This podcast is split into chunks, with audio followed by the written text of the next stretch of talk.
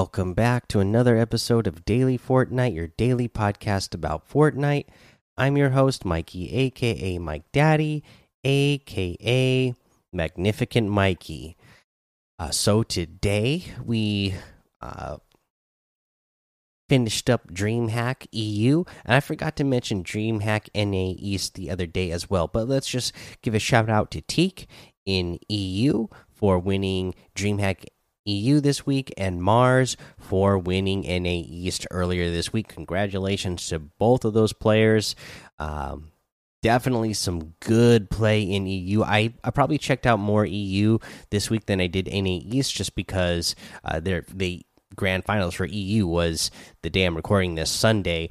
Uh, so I was off, so I was able to catch uh, a little bit, and then I was watching clips online here and there. Uh, you know, because I wasn't at work, so I could check my phone every once in a while.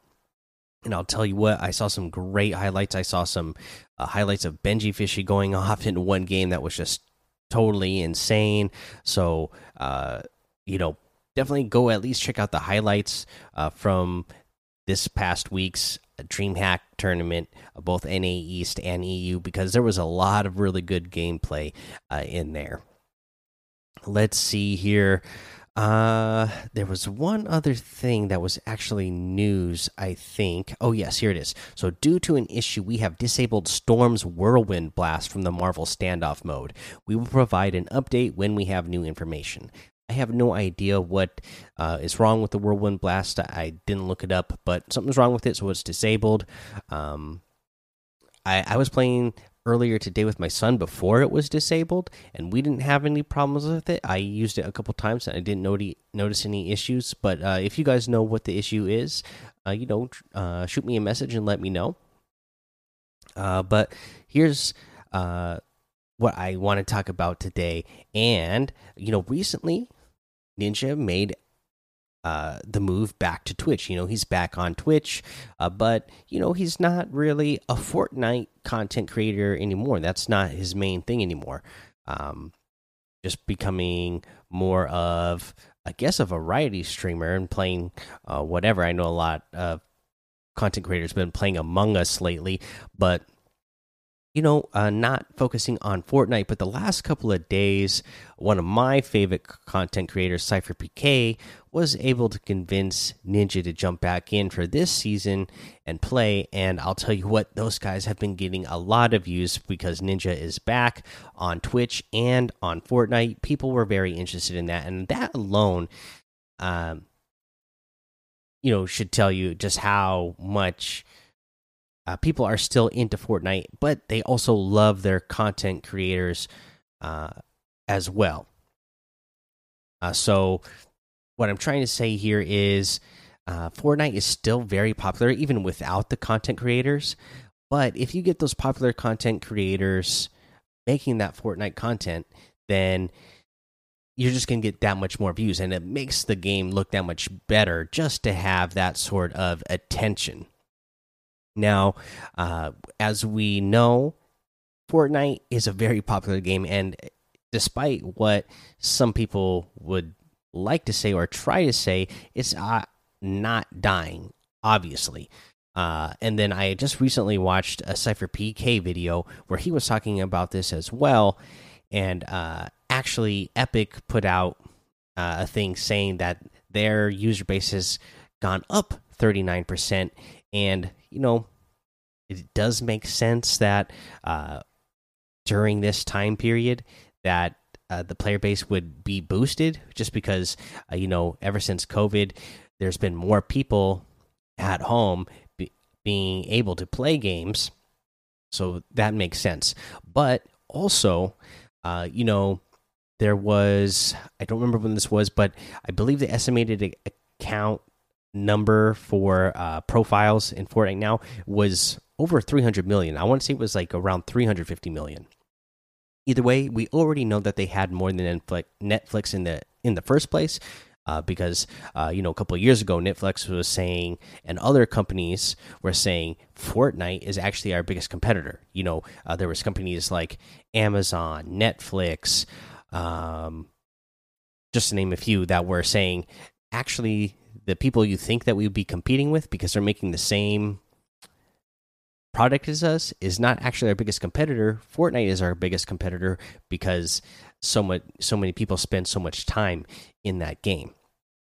So we know that there's been even more users uh, who have made accounts in Fortnite. We know that the concurrent monthly users has gone up during this time period. So uh, you can definitely say the the game is not dying. And apparently, according to this uh, video that I watched on YouTube uh, from SypherPK, uh, I guess Fortnite is still, uh, along with Minecraft, the most watched uh, game on YouTube, as well as I guess Nvidia puts out data as well. Apparently, uh, Minecraft and Fortnite are number one and two for the games most played on those systems. So, uh, you know, obviously, PC players are still playing uh, Fortnite. Uh, you know, what one of the most out of all the games. Now, uh,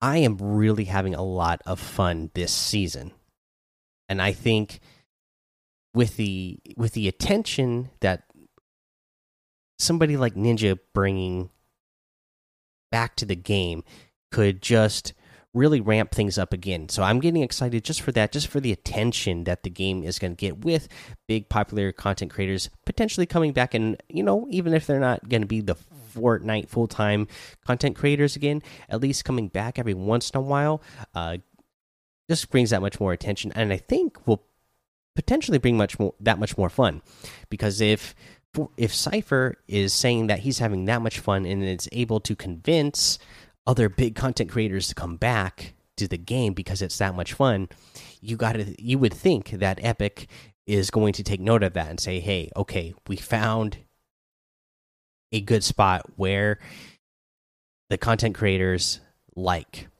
uh, you know casual content creators like. So we can just keep going this way keep having fun uh, putting fun stuff in there for our content creators. That way they can keep hyping our game. And now we've seen them do things like take boogie bombs out and porta forts out of comp and they can keep uh, doing that and keeping the uh, competitive side of things uh, pretty separate from how the casual game feels and have two uh two happy uh, parties of of gamers which most games uh, again have struggled to do in the past it's always you know most games i knew growing up it would become it would get to the point where it gets so competitive and as the game gets out longer and longer you get the the players who are dedicated to that game. So they that's the game they play all the time. So the players who you know decide they want to take off for a while and play other games, they always feel intimidated to come back to that game because they know, uh, well, if I try to jump back in, I'm just going to get uh, pwned because I, I, haven't been keeping up with the skills uh, that everybody else has. But if they keep things uh, pretty separate, I think uh, they'll do a they'll do a good job of continuing to uh, build the player base that they have uh, during this year. But again, I'm having a lot of fun this season, and I know my son is having uh, a ton of fun, and I'm having fun playing this season with my son uh, more than any other season in the past, just because of all the cool things that they finally added back in you know, with uh, you know, with boogie bombs and porta forts and the bouncers, uh, the shockwave grenades, all that stuff to me makes the game so much fun. Uh, you know, it's it's those fun items that can cause any sort of chaos and craziness and really fun, exciting moments that, that can happen in the game uh, you know, and my son just got really excited for this season because he was excited for the Marvel stuff. But uh, now that we've been playing together so much, we've been playing this season together more than any other season. You know, he's been having a ton of fun just playing the game in general, even the core modes. A lot of times in the past, he would just play Team Rumble or whatever LTMs. He's playing a ton of the core modes now because he's loving uh, uh, just all the cool stuff he gets to use in the game. I kind of like to know more opinions of people in in the daily Fortnite community. I want to know: Do you think uh, with the the season that we have here is Fortnite going to make a big uh, return in the content creator space because the last couple of seasons were very dry, right? They they did such a good job of keeping the loot the same throughout the season, so that way the uh, competitive players wouldn't complain about what was going on with the game. But it made it get uh, a little bit boring and repetitive uh, at times, especially when I can't remember if it was season was it season two? One of the seasons already in chapter two went super long, and so you had the same loot and the same uh, loot pool for the whole season, and it it, it got kind of stale. But with this season and adding so many cool things back, uh, and keeping that separate from casual, like totally, there seems like they're totally keeping or separating uh, competitive and casual now, where uh, they're just going to go ahead and say, you know what, the competitive scene, they really just don't want these things. And as much as we try to make these fun things in the game, competitive doesn't want it, so we'll just take them out of there. Uh, and if they can really just make those things separate, then uh, maybe we get more uh, big content creators. Uh, back in and just keep hyping the game, which will in turn uh, just keep the community big uh, for a longer period of time. But let me know: is this season keeping you drawn in? Are are you somebody who you know uh, kind of dropped off of Fortnite, and is this season bringing you back in, or did you? Or I want to know too: did you play this season uh, because you heard about the hype of this season with all the Marvel stuff and the, all the stuff they added back in? Did you jump back in and decide, you know what, this still isn't for me? I'm still not having fun, and I want to know for both uh, people uh, the reasons, like why why you like it and you think it's going to bring back more people if they continue this sort of path? Or you know if you jump back in and said you know what? There's still something about this that i don't like and uh, it's it didn't bring me back and i don't think it's going to bring big content creators back. I'd love to hear all the thoughts on that. Uh, let's see here other than that, let's just go over a weekly challenge tip. You got the hack Stark robots at Stark Industries. You need to do five in total. Now, for this one, obviously, you have to knock down a Stark robot and then you walk up to it as it's downed and then you hack it. So that's the simple part. But there's a lot of people going to Stark Stark Industries is like the new Salty Springs. Uh, everybody drops there every match. It's no matter what match it is, it's always insane how many people are there. But here's what I found that made it a little bit easier. Everybody's trying to land, also land at the main building where where uh, Iron Man is, because they also want those Iron Man powers. So if you land out uh, on the east side of Stark Industries, uh, there's that. Uh, I guess it's like a big garage on the east side. If you land in there, there's a couple of uh, Stark robots in there. You can down those ones easily, and then hack them, and then go back out in the in the parking lot, and then start hacking robots out there in the parking lot. Uh, it makes it a little bit easier because not as many people go out to that area, so you don't have to contest with so many uh, people, or not as many. Uh, all right, let's go ahead and take a break right here. All right, now let's go over today's item shop, and it's another fantastic one. The Captain America items are still in here from yesterday, and we have that awesome Summer Drift outfit that comes with the Uzi back bling for 1,500. I love this summer version of uh, Drift. We have the dual edge harvesting tool for 1,200, the Kitsune wrap for 500 and the Driftstream glider for 800. Uh, we have the uh, Aura outfit for 800, the Goldilock back bling for 200, the Diamond Eye harvest harvesting tool for 500, the Guild outfit for 800, the Gold Chain back bling for 200. We get the Heidi outfit with the Pretzel Protector back bling for 1500 i love this one when this was released back in season 6 this is really cool the ludwig outfit and the clockworks Uh, back bling for 1,500. Also, gotta love this guy. I absolutely love that beard. Uh, you have the Accordion harvesting tool for 500 and the October Feast glider for 800.